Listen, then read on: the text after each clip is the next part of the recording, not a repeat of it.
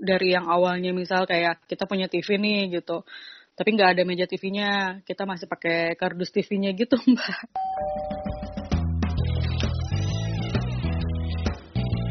Halo kawan, balik lagi di podcast Mendekor.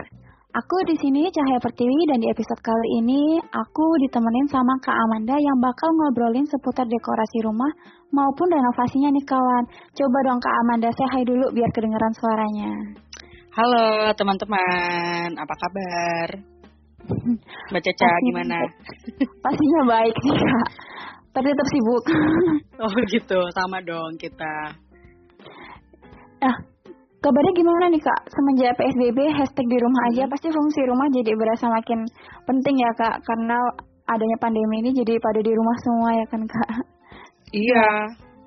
Em, tentunya lebih susah beres-beresnya sih ya. Soalnya kan em, semua di rumah jadi aktivitas tuh ngumpul. Jadi kalau misalnya habis beres satu di ruangan ini eh tiba-tiba yang lain di ruangan sana udah melakukan aktivitas yang lain. Jadinya ya udah deh gitu, Mbak. Hmm, jadi semua ruangan tuh jadi multifungsi kalau di rumah saya itu semenjak PSBB ini. Bener banget. Biasanya rumahnya bisa standby rapi terus ya kak. Kalau misalnya Nah, ada iya orang. jadi begitu multifungsi. Jadi kadang apa anak-anak sekolah di kamar atau di man- di ruang kerja kan sebenarnya udah ada. Cuma kan bapaknya juga kerja, jadi rebutan kan. Jadi ya bisa di mana aja ruangannya jadi multifungsi gitu. Wah, nanti kita bakal obrolin lebih jelasnya lagi ya kayak soal Mm-mm. gimana nih cara menata ruangan yang multifungsi tapi tetap enak ya kak. Nah, ya benar itu agak tricky sih Mbak. Cuman ya mudah-mudahan nanti kita bisa saling sharing ya. Uh, bener banget kak. Oh ya teman-teman juga sekedar informasi. Jadi kita sebelumnya tim Mendekor udah pernah datang nih ke rumah Kak Amanda dan rumahnya tuh unik banget, rapi, bersih, nyaman pokoknya. Jadi hashtag di rumah aja tuh pastinya tetap menyenangkan. Nah buat yang kepo gimana rumah Kak Amanda boleh cek YouTube Mendekor. Di situ ada video ulas ruang rumah Kak Amanda yang judulnya konsep rumah American Farmhouse dan juga boleh cek Hmm. IG-nya Kak Amanda apa tuh Kak? Dress decor, at dress decor gitu. Nah, nah situ ada koleksi foto interiornya Kak Amanda ya, eksterior juga ya Kak. Iya, semuanya sih Mbak. Jadi yang mau kepo-kepo boleh cek atau follow lah pastinya IG-nya Kak Amanda. Iya, jangan lupa dong di follow. Ayo. Promosi. Gak apa-apa nih Kak promosi biar nambah followers followersnya. Iya, iya, iya, sip, sip. nah, kawan, udah bosan belum nih dengan suasana rumah sekarang atau penataan rumahmu sudah ketinggalan zaman? Pernah nggak sih terpikir jika mungkin rumahmu perlu ditata ulang? Apalagi ditambah lagi kondisi kayak gini yang mengharuskan kita buat selalu hashtag di rumah aja. Mungkin inilah saat yang tepat untukmu melakukan renovasi rumah. Sayangnya, tindakan ini memerlukan biaya renovasi rumah yang nggak sedikit nih. Nggak sedikit juga pasti banyak banget kesalahan-kesalahan yang kita dapetin pas lagi melakukannya. Tapi jangan jadikan hal tersebut penghalang untuk mewujudkan hunian impian melalui renovasi rumah. Dengan kreativitas dan usaha lebih, renovasi rumah bisa saja dilakukan meski kamu memiliki keterbatasan biaya. Nah, kita bakal tanya lebih jelasnya nih sama Kak Amanda yang pastinya udah berpengalaman dalam renovasi rumah ya, Kak. Hmm, boleh dibilang begitulah Mbak. Nah, kalau Kak Amanda sendiri dulu kepikiran untuk renovasi rumah tuh kenapa sih, Kak? Em, karena kan waktu itu saya eh, seperti yang udah diungkapkan di YouTube kita ya Mbak ya waktu itu, saya kan beli rumahnya itu rumah tua nih. Em, jadi dari dari segi kon- konstruksi aja mereka sudah eh, apa namanya menyarankan ini tuh nggak kuat gitu loh Mbak. Jadi kita harus eh, ada beberapa bagian yang harus diganti gitu kan dari eh, apa tuh namanya eh, konstruksi bangunannya gitu. Ha-ha. Jadi kalau misalnya kita nggak nggak ganti itu malah lebih bahaya satu itu sih dari sisi keamanannya. Kedua juga kan kalau kita beli rumah em, eh, rumah yang sudah ditinggalin itu kan tidak sesuai dengan keinginan kita atau kebutuhan kita ya. Misalnya kita pengen kamar di sini atau kamar berapa gitu segala macam. Jadi ya saya eh, memutuskan renovasi agar lebih sesuai dengan kebutuhan dan kenyamanan kita sih pastinya gitu mbak. Nah, tapi em- dulu emang udah kepikiran bakal beli rumah beli rumah tua terus renovasi atau emang ini sih kak Kebetulan pas dapatnya sih mbak, uh, uh, dapatnya kan uh, ceritanya nih lokasi rumah saya ini udah mahal ya harga tanahnya. Nah, itu karena tabungannya um, cukupnya segitu, budgetnya cukupnya segitu. Jadi uh, pas banget dapat rumah yang kehitungnya tuh kayak kita beli tanah aja gitu. Sementara kalau misalnya kita beli rumah uh, dengan bangunan yang masih apa ya masih layak gitu kan. Nah harganya sih sama aja kan nggak nggak bisa dapat yang miring gitu sih mbak. Jadi ya udah kita pikirkan uh, dananya bisa dialihin untuk kita renovasi gitu. Oh gitu. Pasti juga mm -hmm. kalau kita um, renovasi benar-benar habis nih dari dibongkar dulu berarti ada biaya itu juga ya kak? Yang harus disiapin biaya biaya bongkar ya kak? Iya cuman waktu itu kenapa ya um, si kontraktornya tuh kayak me, memberi apa tuh free ya free. Jadi biaya bongkarnya hmm. tuh free. Iya jadi mungkin karena udah uh, semuanya sama dia kan jadinya uh, dia bilang oke okay deh bu nggak apa-apa free. Uh, ini apa namanya biaya bongkarnya free aja katanya. Jadi banyak plus plusnya lah mbak kemarin tuh pas renovasi gitu. Oh, alhamdulillah. gitu. Mm -mm. rezeki juga ada mbak bonus. Nah benar. Nah waktu pertama kepikiran bakal ada niat renovasi tuh kak apa sih kak hmm. yang uh, kakak siapin pertama kali? Siapin pertama kali um, dari segi desainnya kali ya mbak ya. Maksudnya lebih ke tema sih kita pengennya apa gitu kan.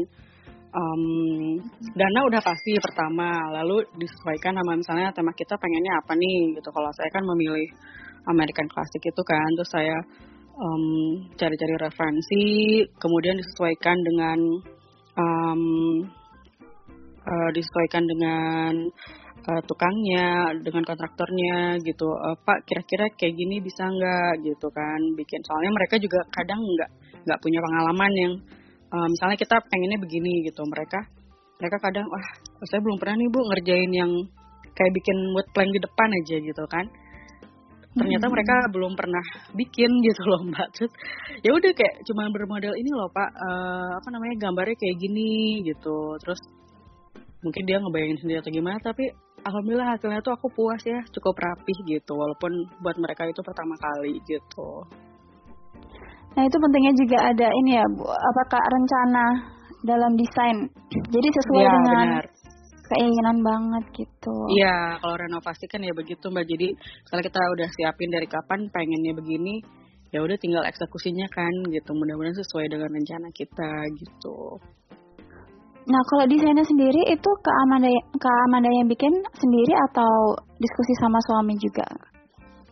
Diskusi sama suami juga sih Mbak sempat beberapa kali um, ganti apa ya ganti tema gitu, terus ganti um, ya pokoknya sebenarnya kan rumah itu kan sesuai kepribadian kita ya gitu. Tapi kalau suami sih alhamdulillahnya nyerahin semua ke saya. Dia paling cuman ngasih uh, gambaran ini loh kita butuh ini nanti di dalam rumah terus ini ini gitu. Dia kasih poin-poinnya tapi lebih banyak saya yang bener-bener dari segi estetisnya lah saya gitu. Oh sisanya diserahin ke Kak Amanda lah ya pokoknya ya? Iya bener Apalagi untuk interiornya gitu segala macam dia sih udah ya udah tinggal terima beres aja. Wah enak gitu. banget tuh Kak. Jadi bebas berekspresi ya Kak? Bener Lagian uh, suami saya kan udah sibuk kerja di kantor terus uh, dari dari ini sih kayaknya nerimo nerimo aja gitu nggak nggak terlalu banyak yang wah pengennya gini pengennya gitu jadi ya udah benar-benar saya yang meng apa ya semua idenya dari saya gitu jadi bisa dibilang rumah yang sekarang ini, ini adalah rumah impian Kak Amanda dari dulu ya kak? Iya. Atau masih kan ada lagi? Sebenarnya masih banyak sih mbak impian. Nah ini juga nih rumah rumah saya tuh kan ceritanya uh, impiannya gitu ya, mimpinya tuh ya kan pengen lebih nanti tuh ada. Ini kan baru satu lantai nih mbak. Sebenarnya aku kayak uh, kadang kurang kan kalau misalnya ada saudara atau um, pengen ada apa ya lebih leluasa gitu ya kalau ketika anak-anak udah gede pengennya sih kan dua lantai gitu. Terus saya punya impian apa taman depan dan taman belakang tuh sama-sama besar gitu. Saat ini kan masih cukup untuk taman belakang aja yang saya miliki itu cukup besar. Tapi taman depan belum. Jadi sebenarnya banyak mimpi-mimpi juga mbak gitu. Dan tidak menutup kemungkinan mudah-mudahan kalau ada rezekinya ya kita bisa renovasi lagi gitu. Uh, iya. Semoga aja semakin cepat dapat rezeki semakin cepat renovasi ya nih kak. Tapi kalau ada udah gatel nih Ya, pengen amin. desain lagi ya kak. Iya, sebenarnya kayak pengen ruang laundry itu yang agak besar gitu kan. Eh, apa namanya? Banyak lemari-lemari di situ gitu. Banyak lah banyak ide-ide Mbak sebenarnya gitu. Apalagi kayak kegiatan laundry itu kan setiap hari pasti ada aja ya kak. Jadi kayak emang harus dibuat senyaman mungkin. Nah, benar. Kemarin tuh sebenarnya agak menyesal atau ada kesalahan sedikit lah ya di ruang laundry itu. Eh, apa namanya? Dia kan be- apa letaknya tuh di dekat dengan kamar anak. Nah, itu agak cukup mengganggu sih Mbak sebenarnya gitu. Lebih baik ruang laundry itu tidak apa ya? agak jauh dari pusat hmm, kegiatan eh, orang-orang di rumah tapi juga nyaman gitu loh Mbak. Jadi walaupun agak jauh tapi kalau nyaman kan kita apa ya betah gitu di situ nggak jadi nggak malas untuk nyuci baju gitu maksudnya. iya. Mm-mm. Nah tapi kalau pertama kali eh, renovasi itu kak ada waktu yang diprediksi nggak sih? Apa dia lebih cepat atau lebih lama waktu renovasi itu? Iya kemarin itu sebenarnya waktu pas awal renovasi saya juga dikejar sama kebutuhan untuk eh, segera ditinggali ya Mbak. Soalnya kan waktu itu bertepatan pas eh, anak-anak masuk ke kenaikan kelas. Nah karena waktu itu saya baru pindah terus dari Bandung dan harus ke Jakarta. Nah di Jakarta kebetulan tidak ada tempat tinggal satu-satunya ini gitu. Jadi eh, saya butuh, saya bilang ke kontraktornya butuh selesai secepat mungkin. Kalau bisa tiga bulan tuh udah udah ready untuk ditempati gitu. Eh, ternyata ya bisa, alhamdulillahnya kontraktornya tuh udah udah Nyanggupin ya selesai. Ha nyanggupin juga. Terus sudah selesai sih dalam waktu dua setengah bulan walaupun dalam interiornya sih belum semua ya mbak. Jadi baru tampak eh, maksudnya ya udah siap ditinggalin tapi itu saya ingat udah dapur belum gitu kan kamar juga belum segala macam nggak apa-apa deh gitu yang penting em, sudah nggak udah nggak hujanan lah istilahnya gitu bisa ditinggalin kan gitu Eh, ya jadi berarti Kak Amanda ini eh, bertahap ya Kak sistemnya untuk ngisi-ngisi rumah sampai selengkap itu berarti kan? Iya, bertahap. Berangsur-angsur. Sekit, mm-mm, sekitar dua tahunan lah. Dari yang awalnya misal kayak kita punya TV nih gitu, tapi nggak ada meja TV-nya, kita masih pakai kardus TV-nya gitu Mbak. Duh, aku ingat banget tuh. Zaman itu Mbak. Kan soalnya milih-milih furniture segala macam kan harus di di planning juga ya Mbak. Biasanya sih saya eh, pakai kertas apa tuh digambar dulu mapnya gitu misalnya ruangan apa nih yang mau di hmm, ditata terlebih dahulu gitu misalnya saya ukur gambar misalnya oh oh ya ini ruangan tengah gitu ruangan TV jadi kan nanti pas cari furniture misalnya kita nggak custom gitu ya cari di eh, toko furniture gitu lebih gampang biar nggak bolak balik juga untuk eh, oh berapa ya? Begitu nyampe sana kan baru bingung oh ya berapa eh, ukurannya yang harusnya yang pas gitu. Soalnya kan tricky juga kan apa namanya milih-milih furniture itu mbak Eh, iya bener banget sih Kak. Ini juga eh, tips yang bagus juga buat teman-teman untuk contoh ya karena banyak Mm-mm. juga sih Kak yang eh, kejadian seperti itu kayak udah ada niatan mau renovasi, udah Mm-mm. punya ini cuman waktu di ngomongin belum tahu ukurannya. Nah Benar. mungkin kalau kayak Kak Amanda ini kan udah tepat lah. Pertamanya harus ukur dulu, terus tahu dulu Mm-mm. keinginannya seperti apa Benar. gitu. Jadi Benar. lebih apa ya lebih mudah dan lebih cepat serta sesuai Iya, dengan ekspektasi ya kak. benar dan meminimalisir ke kesalahan atau ketidakcocokan di satu ruangan yang bakal kita dekor sih mbak gitu. Iya sih Ya kak. kan, Soalnya sayang uh-uh. banget kalau misalnya udah apa kita kita udah beli mahal nih kita datang terus ngeliat ini bagus ternyata ukurannya nggak sesuai ya kak. Bener banget gitu. Soalnya lucu. Saya pernah punya temen gitu. Eh, dia mau beli furniture kan. Udah main pergi aja gitu. Pas udah nyampe sana. Oh, ini kayaknya cukup, kayaknya cukup. Soalnya kita gitu kan suka pakai perasaan gitu. Misalnya Ya, lihat ya, meja. Heeh. Misalnya lihat meja. Ya lucu ya, gitu. Terus kan, ya lucu. Terus em, apa? Kayaknya cukup sih di ruang kita. Iya gitu kan. Begitu nyampe rumah, ternyata mentok ya kan? Atau enggak kekecilan atau kegedean gitu itu duh pasti kan masalah banget ya apalagi kalau misalnya tokonya nggak bisa dikembalikan gitu kan barang yang kita sudah beli gitu. Jadi ya saya sih selalu gitu. Mm-mm. kadang saya aja kalau udah udah pakai apa namanya udah dicatat udah di saya map lah gitu di map oh ya ini nanti di sini uh, meja TV di sini lemari di sini sofa misalnya kayak gitu. Tetap saya uh, ke sana diukur lagi terus saya foto-fotoin kadang gitu kan mbak foto-fotoin. Saya pulang dulu lagi nggak nggak langsung beli. Jadi bisa berkali-kali bolak-balik toko furniture gitu oh jadi benar uh, dipikirin matang-matang ya kak? Iya gitu. Pas pulang disesuaiin gitu saya. Sekarang kan ada aplikasinya ya. Apa sih namanya?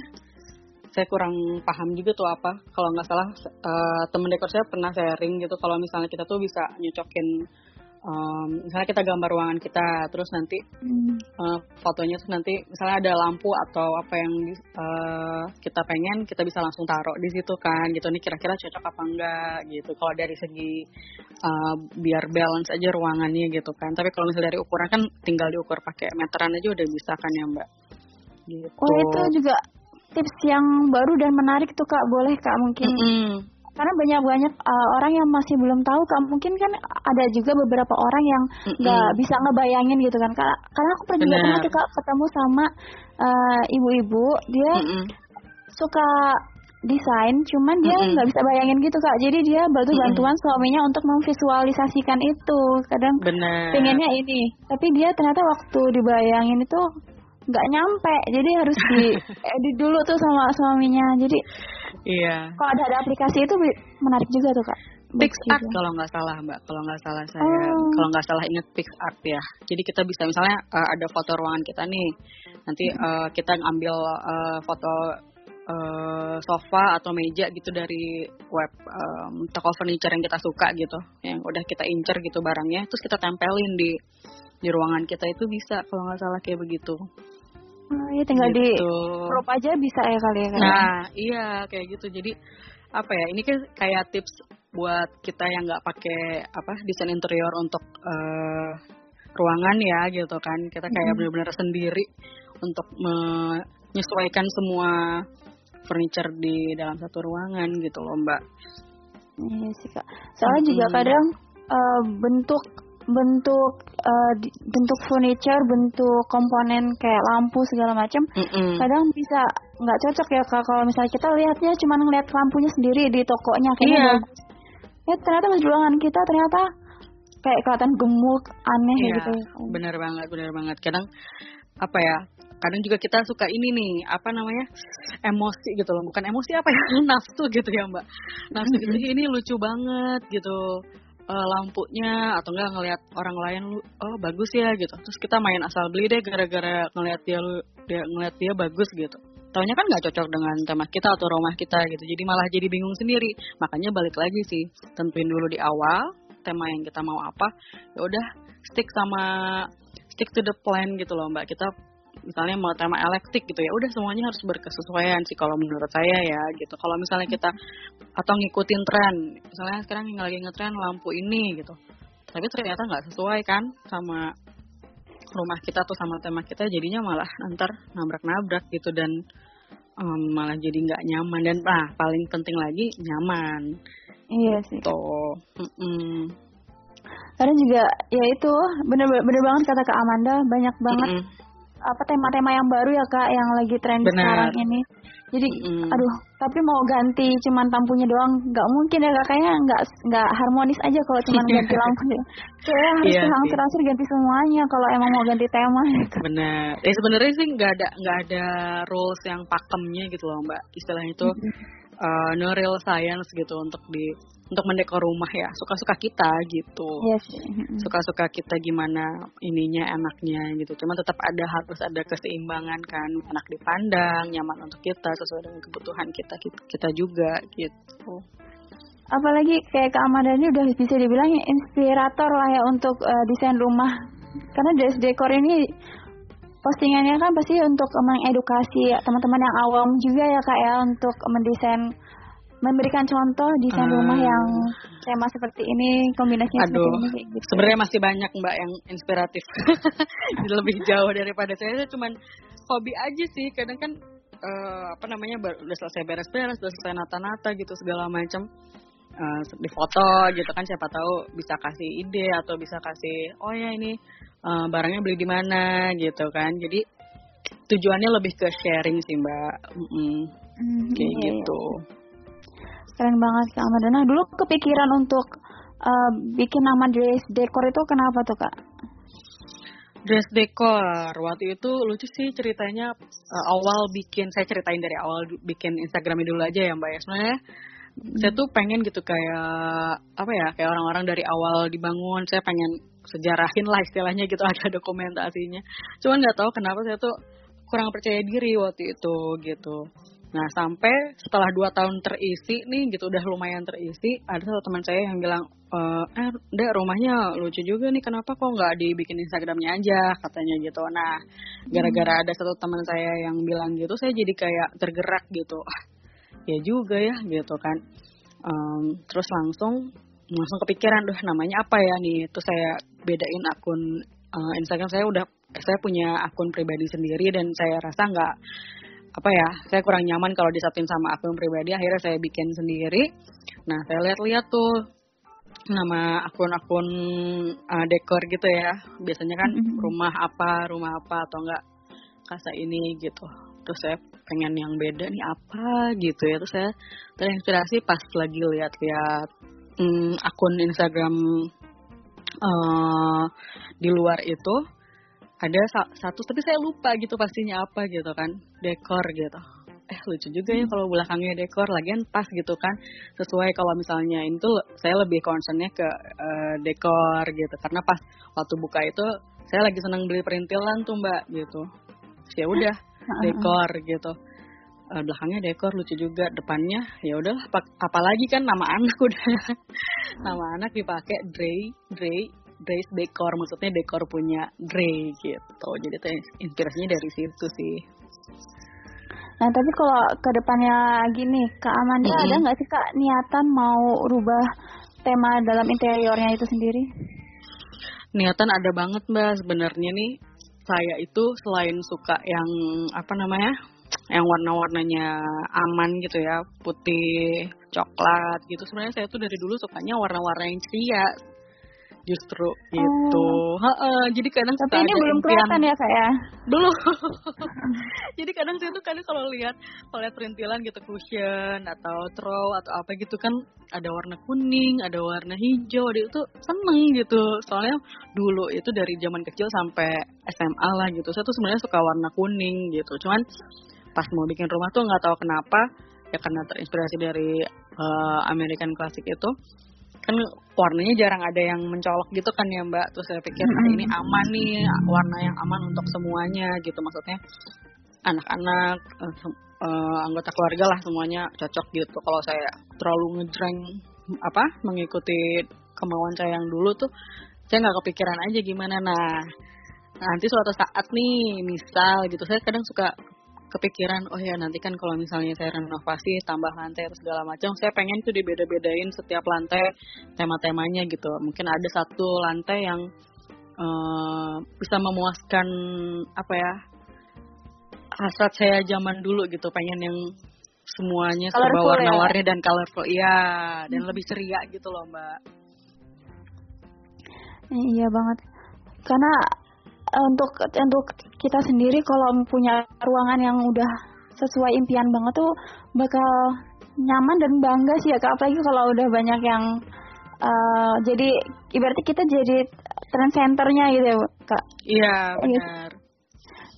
Hmm, keren keren kak karena juga ada sih kak uh, kita juga pernah main ke rumah salah satu teman uh, yang suka dekorasi juga mm-hmm. dia berani pakai warna-warna yang mencolok tapi tetap harmonis gitu kak nah mungkin yeah, Kak Amanda boleh uh, apa ya lihat-lihat juga lah iya benar mbak jadi kan teman-teman dekor itu kan kayak ada komunitasnya ya itu kan saling yeah, iya. menginspirasi yeah. tuh gitu kadang uh -uh. senang gitu kan ngelihat wah ini bagus gitu makanya saya suka bingung sih kalau ada yang misalnya biasa lah mbak namanya netizen ya misal, uh, oh ini gini ini gini. Kalau saya sih melihatnya dari sisi positifnya gitu. Kalau ngelihat rumah orang lain tuh saya ngerasanya terinspirasi dan ikut seneng. Malah jadi kayak oh iya bener ya ini tuh harusnya gini. Oh dipaduin sama ini. Malah jadi kayak nambah ilmu lagi gitu. Jadi terinspirasi lah. Karena eh kadang kalau tuh ngeliat orang posting, oh ternyata cocok juga ya. Kadang kita belum berani ya kak ketika ngeliat orang postingan orang, wah Ya. ternyata cocok juga. kadang nggak kepikiran mbak Ya. gitu Tapi kalau misalnya apa namanya kak, em, kalau dari ruang kan kalau Kak Amanda ruangannya lebih ke multifungsi ya semuanya ya kak ya. Mm-mm, Nah. open open space gitu sih mbak Open space semuanya Mm-mm. aktivitas ada di situ. Mm-mm. Tapi dari situ ada kayak kekurangan dan kelebihannya apa sih kak untuk ruangan yang open space kayak gitu? Mulai dari kekurangan dulu ya kali ya mbak ya. Kekurangannya sih menurut saya kalau misalnya kita lagi em, apa ya terutama lagi malas beres-beres nih mbak kelihatannya kayak jadi berantakan banget. Karena kan tidak ada sekat di antara ruangan ya. Jadi kelihatan semua ya kak? Eh, eh, jadi kayak kelihatan Hmm. penuh aja gitu semua. Cuman kalau pas lagi nah itu di itu juga. Jadi tipsnya kan harus sering sering sering declutter barang gitu ya mbak ya. Pas lagi nggak apa namanya eh, lagi ada waktu gitu atau nggak dijadwalkan eh, apa namanya ada barang-barang yang sebenarnya nggak terlalu berguna tuh mendingan kita apa singkirin gitu kan diganti sama barang yang lebih eh, cocok di ruangan itu. Kalau kalau saya sih apa ya kekurangannya lebih ke situ lebih kadang suka terlalu penuh gitu buat saya ya open space itu. Tapi kelebihannya ya memang jadi bisa apa ya lebih hangat aja sih mbak gitu. Lebih hangat karena eh, di satu ruangan itu kumpulkan semua aktivitas gitu. Ada yang ada yang misalnya di eh, ruang TV eh, sambil nonton TV ada juga anggota keluarga yang lagi di ruang makan makan. Terus saya juga bisa mengawasi anak-anak dengan lebih dekat gitu. Nggak harus tak ada jarak gitu. Nggak harus ada batas penyekat gitu itu sih mbak paling kelebihan dan kekurangannya Oh ya nih kak, untuk yang mau renovasi kan pasti ada juga yang ibaratnya mereka udah punya beberapa furniture atau Mm-mm. beberapa barang yang eh, udah ada di ruangan itu. Tapi kan juga masih banyak yang belum tahu ini enaknya barang barang ini dikemanain kayak gitu kan. Nah, kalau menurut Kak Mm-mm. Amanda sendiri, enaknya gimana sih kak kalau mau renovasi itu tanpa harus eh, keluarin biaya banyak ya kak gitu loh? Kalau saya sih, kalau dari saya, hmm, dari furniture misalnya nih mbak ya, dari furniture itu sebenarnya banyak banget sih toko apa tuh kayak penghubung lah untuk kita jual gitu. Nah, opsi pertama kita bisa jual eh, furniture kita yang ada yang sudah punya ingin diganti yang baru atau lebih sesuai tema gitu kan, itu bisa dijual juga. Atau kedua bisa di eh, remodel lagi gitu, bisa di eh, DIY sendiri atau ada juga sih jasa em, jasa untuk merubah apa ya misalnya sofa gitu. Dari sofa sofa yang klasik terus pengen diubah jadi ke sofa yang lebih minimalis gitu. Itu kalau nggak salah ada yang ada yang bisa mbak gitu. Vendor tuh ada yang bisa. Nah ya jadi lebih murah mm-mm. juga. Mm-mm. jatuhnya sih lebih murah ya gitu. Jatuhnya sih lebih murah. Ya kita sebenarnya bisa hitung-hitung sih kita survei dulu kan ke vendor itu gimana tuh kalau misalnya dirubah. Kalau misalnya lebih mahal ya mendingan kita jual jual aja gitu kan. Terus beli yang baru juga bisa gitu. Atau untuk ganti suasana atau ganti mau renovasi yang cuman kecil-kecil aja gitu tuh bisa sebenarnya kayak bisa tambah tanaman atau dari wall decor kayak gitu aja sih mbak disesuaiin terus kalau sofa bisa tambah um, throw gitu jadi nggak terlalu memakan biaya yang besar banget Iya, warna dinding juga itu mempengaruhi banget ya kak untuk suasana yang baru. Nah, ya bener banget mbak. Itu itu paling murah sih kalau menurut saya ya, biar nggak terlalu apa ya bosen kan. Misalnya kita sama yang itu itu aja, kayaknya cat masih lebih affordable ya, masih terjangkau gitu. Langsung berubah gitu kan, pasti nggak harus yang furniture atau apa dari cat aja berapa kaleng gitu kan, kayaknya nggak nyampe jutaan atau gimana kan, udah Iya. sendiri aja bahkan bisa gitu ngecat sendiri, jadi udah langsung berubah gitu suasananya. Jadi keuntungan juga sih ya kak buat eh, kakak apa kakak-kakak atau teman-teman semua yang Mm-mm. udah punya barang-barang tuh lebih netral jauhnya ya kak. Jadi kalau misalnya mau ganti-ganti suasana, cuman ganti warna dinding aja udah gampang. Tapi kan kalau misalnya ru. Desain misalnya furniturnya bertema banget atau dia Mm-mm. spesifik banget satu tema, kalau mau ubah-ubah juga kan agak tricky juga ya kak. Bakal agak Iya benar. Tipsnya mungkin Bahas. bisa dicoba dulu kali ya Mbak. Misalnya beli yang ukuran kaleng kecil gitu Mm -mm. uh, bisa dicoba langsung gitu kita juga bisa bisa nentuin uh, kualitas uh, catnya terus biasanya kan kalau warna gelap itu kan butuh uh, cat yang lebih banyak ya biar mm -hmm. keluar warnanya gitu. Nah kita bisa tes gitu atau bisa pakai aplikasi tadi lagi juga sih mbak. Soalnya saya ingat banget tuh waktu pas milih-milih cat oh itu kalau nggak mm -hmm. salah di Mitra 10 gitu. Nah mereka tuh kayak di komputer gitu di misalnya ibu mau pilih ruangan apa indoor atau outdoor? gitu kan.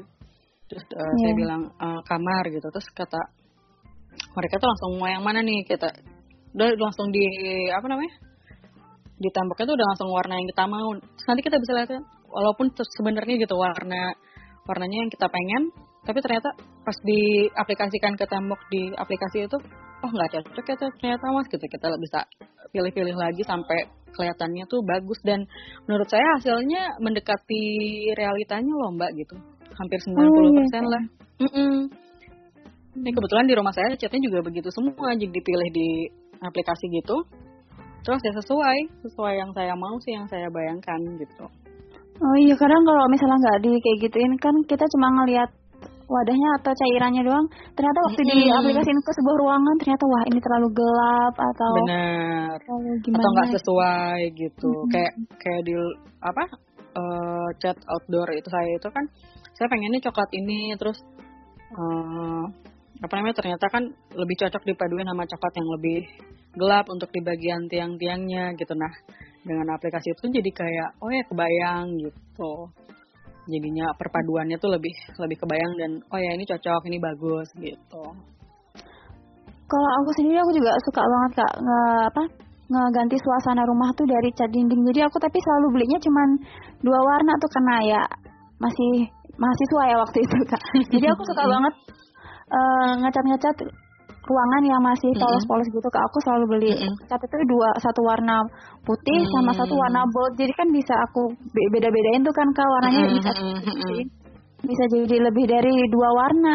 Nah itu yeah, bisa jadi salah satu cara sih termurah untuk ganti suasana rumah ya kak. Iya. Atau bisa di ini mbak pakai mural gitu mural gitu digambarin gitu kan atau pakai apa tuh sekarang tuh banyak banget hacks hacksnya gitu kan. Misalnya kayak mau dibikin uh, corak pakai DIY sendiri gitu mbak. Nggak usah harus apa ya buat cari tukang misalnya gitu. Iya. Apalagi kalau emang yang suka desain desain ruangan sendiri pasti mm -mm.